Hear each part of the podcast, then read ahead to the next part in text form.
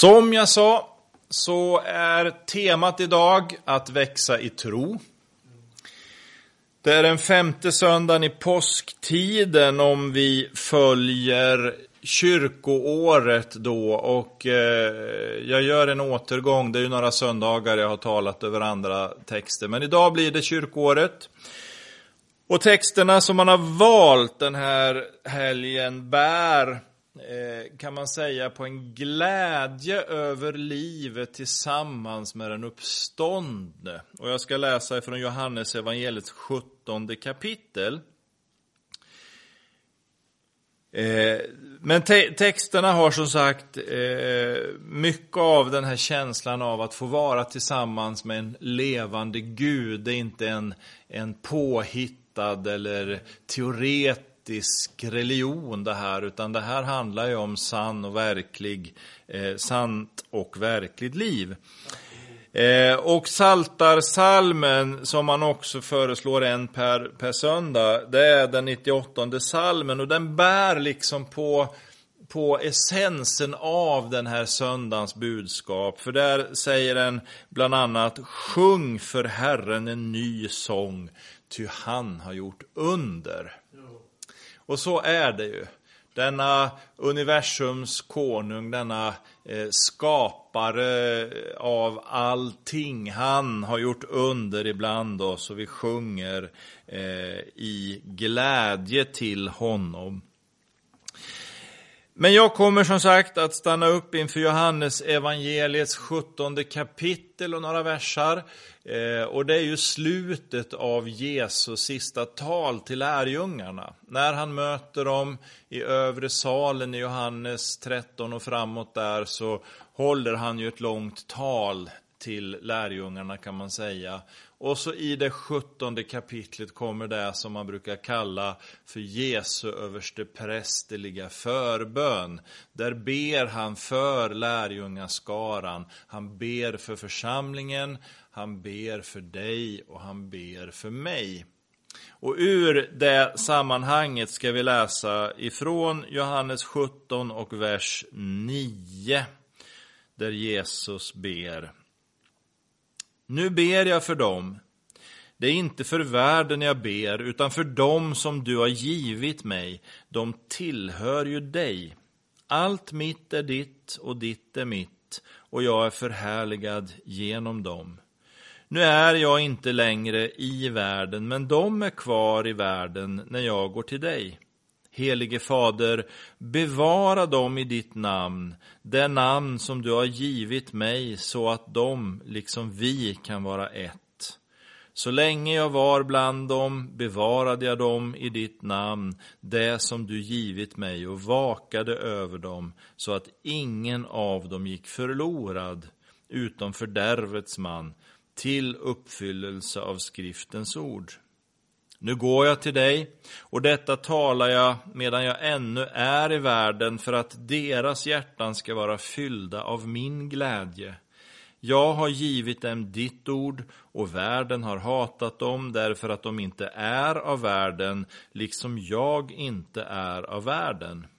Jag ber inte att du ska ta dem bort ur världen, utan att du ska bevara dem från det onda. De är inte av världen, liksom jag inte är av världen. Helga dem i sanningen. Ditt ord är sanning.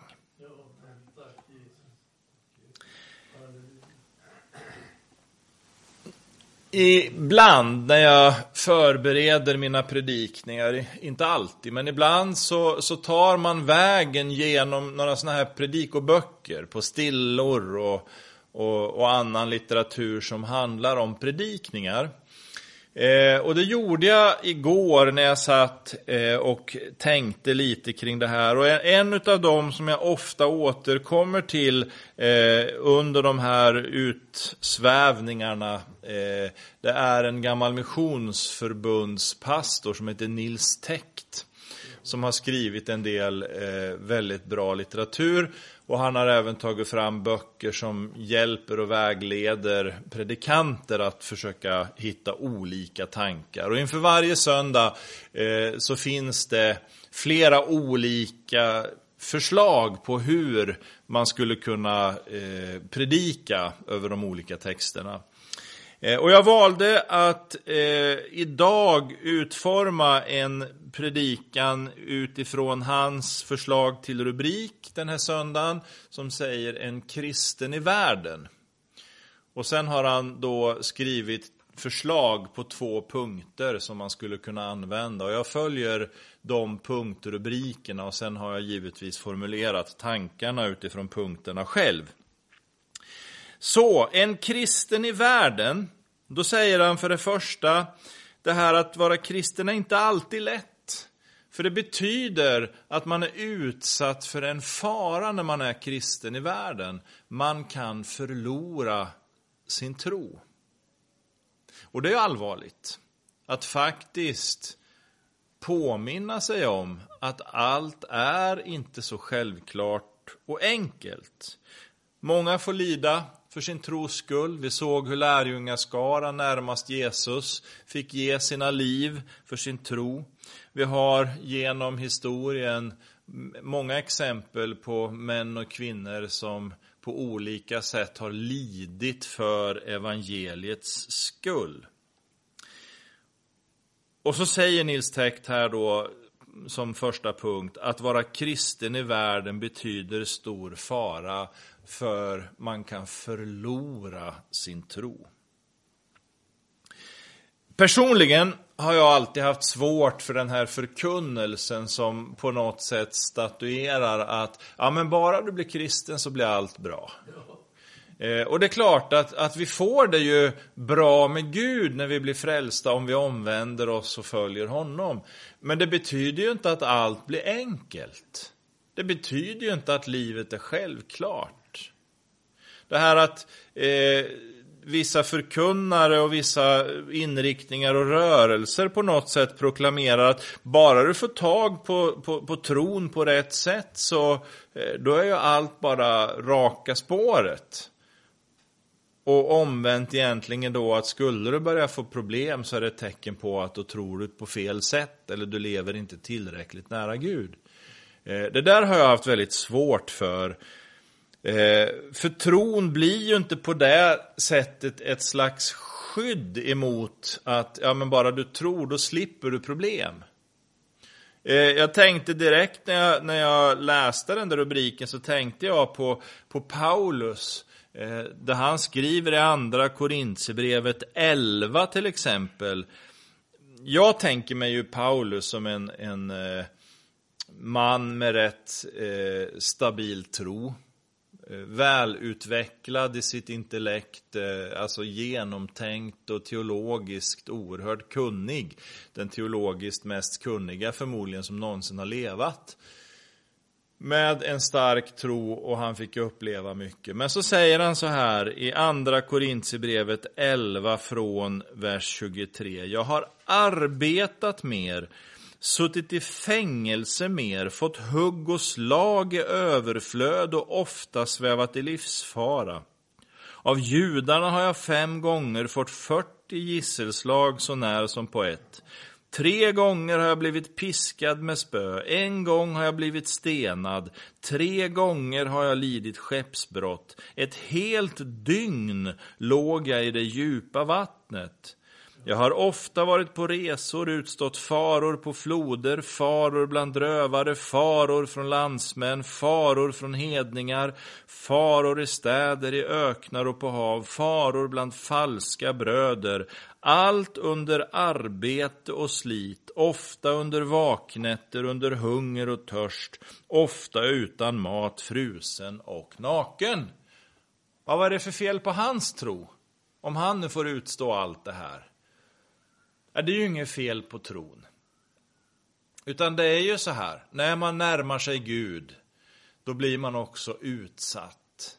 Och man blir på olika sätt eh, ett mål för själafienden och därför talar ju också aposteln om att han har eh, utstått faror av olika slag. För det är ju en fara, precis som Nils Täckt säger. I det här så finns ju risken att man tappar sin tro.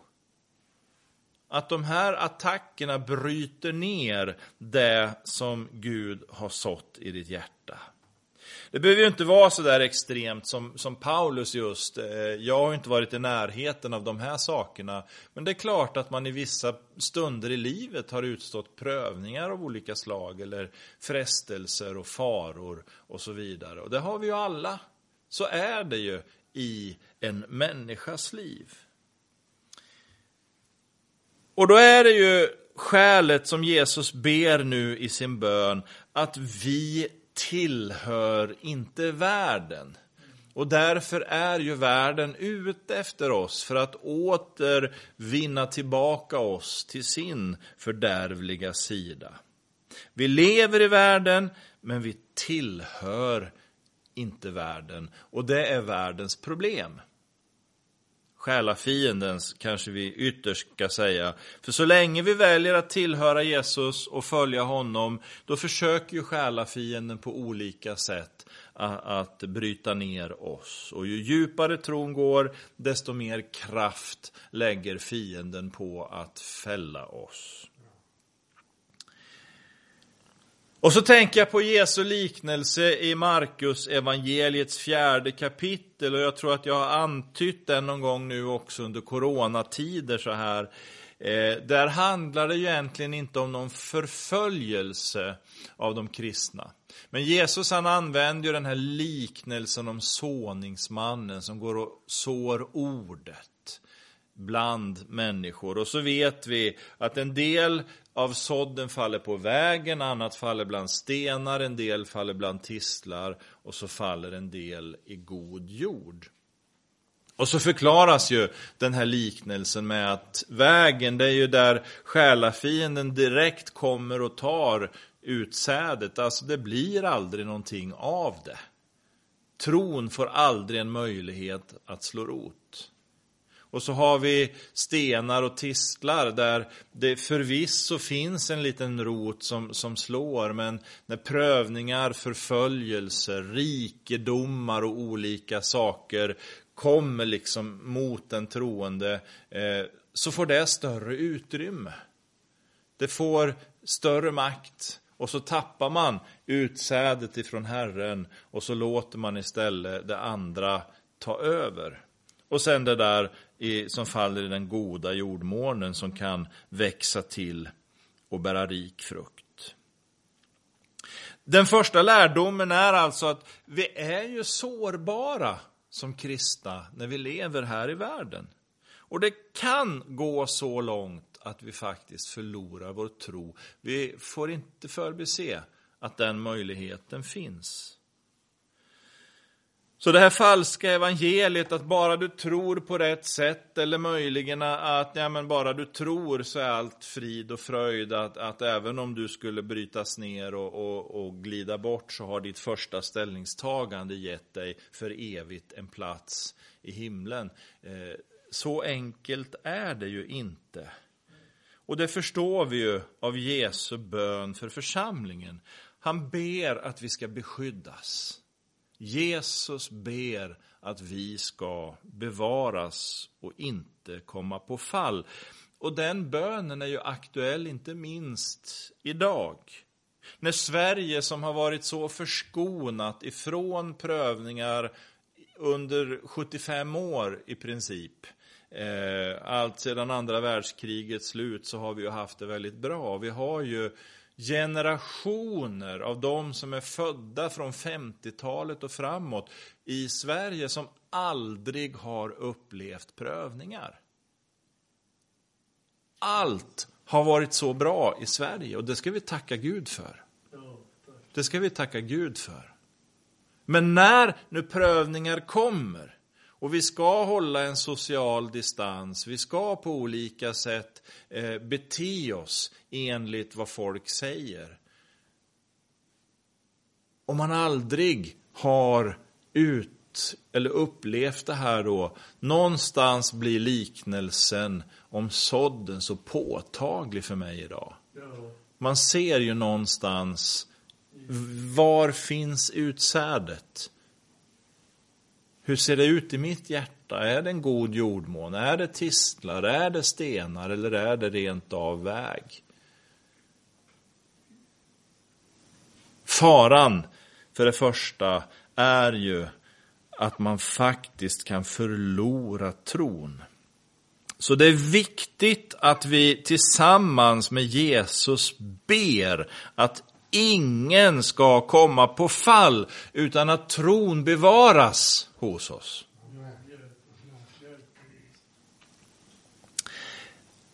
När jag såg den andra punkten som han föreslog så kom jag att tänka på en gammal söndagsskolsång som jag sjöng när jag gick i söndagsskolan. Eh, du känner säkert igen den. Eh, jag tror att jag kommer ihåg orden rätt. Med Jesus i båten är jag trygg mitt i stormen. Visst har vi sjungit den? Med Jesus i båten är jag trygg mitt i stormen. Jag tycker det passar så bra, för du vet ju hur Jesus han låg och sov i båten när det stormade och ven runt lärjungarnas öron. Och de var ju livrädda. Och båten höll på att gå under. Men de hade Jesus där. Eh, och i sin förtvivlan så väcker de liv i honom och han får ju tala till vind och vågor att vara stilla och det bara lägger sig ner. Och förmodligen blev det spegelblankt. Eh, med Jesus i båten kan man vara trygg mitt i stormen. Och då tänker jag, det finns ju en möjlighet också i prövningen. I situationen när allt inte är så enkelt. När Jesus ber för församlingen ber han om beskydd över oss som hans barn. Att vi ska bevaras från det onda, eller som man också kan översätta för den onde. Att själafienden inte ska få något inflytande över oss. Det är ju han som är problemet. Och så ser jag möjligheten att vi också i en sån här situation faktiskt kan växa i tro och överlåtelse när vi ser att det bär. Han är ju faktiskt med oss. Han har inte övergivit oss.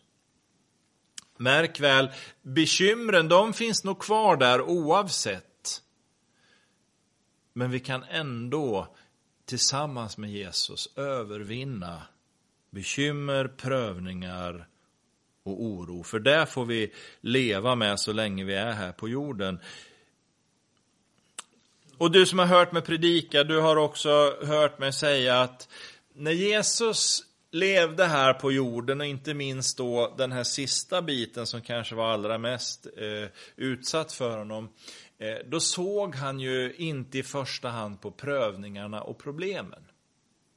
Han utstod ju mer än vad någon människa kommer att behöva utstå med här på jorden. Eh, men Jesus valde i det här att fokusera på kärleken till oss människor. Och den var ju större än problemen som han behövde gå igenom, eller prövningarna och så vidare. Och därför, driven av kärleken till oss människor, uthärdade Jesus allt upp till korset, döden på korset. Därför att kärleken till dig var större än smärtan och problemen. Och där finns det någonting som vi behöver påminna oss om och lära oss av för jag menar att om vi vänder på den tanken och gör som Jesus, där vi också började vår gudstjänst i sången Fäst dina ögon på Jesus. Att vi fokuserar, att vi ser på honom och hör på honom, hur stora problemen omkring oss än är. Men att vi ser på Jesus och lyssnar på Jesus och följer honom då kommer vi också igenom. Och vi kommer ju att växa i tro och överlåtelse när vi märker det här fungerar. För han bad ju att vi skulle bevaras i sanningen och hans ord är sanning. Och sanningen säger ju att Jesus är med oss alla dagar intill tidens slut. Han beskyddar oss, han bevarar oss, han överger oss inte. Paulus, han var ju med om alla de här sakerna som vi läste upp och han talade om faror och hot. Men han såg på Jesus och därför kom han också igenom med bevarad tro. Han slapp inte prövningarna, men han övervann dem i kraft av Jesus. Så den andra tanken Nils Täkt eh, skriver är ju att det finns en stor möjlighet för oss kristna i världen. Vi kan ju växa i tro. Och det är en verklighet. Och det är det vi ska ta med oss och uppmuntra varandra med. Uppmuntra människor vi möter med, oavsett hur det ser ut. Jesus är där. Han finns med. Så till sist, låt oss vara vakna över att risken faktiskt finns att det går att förlora tron. Det går att tappa gemenskapen med Jesus. Det är allvarligt och vi får inte hoppa över den tanken. Och därför är det viktigt att den som vandrar tillsammans med Jesus inte försummar att be för alla dem man har omkring sig som kämpar. Som kämpar i sin tro, som kämpar med olika prövningar. De som kanske också har tappat gemenskapen behöver vi be för att den heliga Ande får möta dem och visa på den nåd och barmhärtighet som Gud är som inte dömer bort den som en gång kanske har fallit, utan som istället räcker sin hand för att resa och upprätta och välkomna.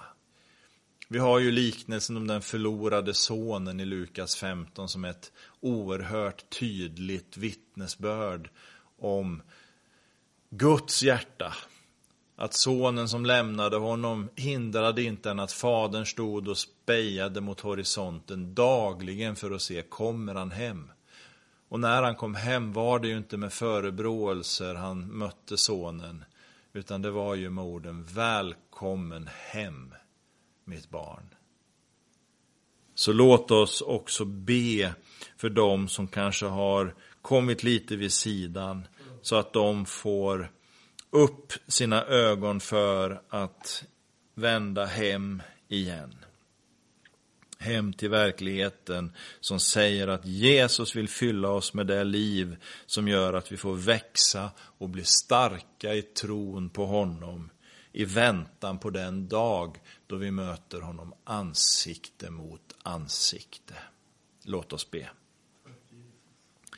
Tack Fader för din verklighet, att du är verkligen sanningen, du är vägen, du är livet, du är barmhärtighet, du är nåd. Tack att vi får se på dig när det stormar omkring oss och vi får uppmuntra varandra att med dig i båten så kan vi vara trygg mitt i stormen när vi överlåter våra liv till dig och förtröstar på dig. Då får vi växa i tron.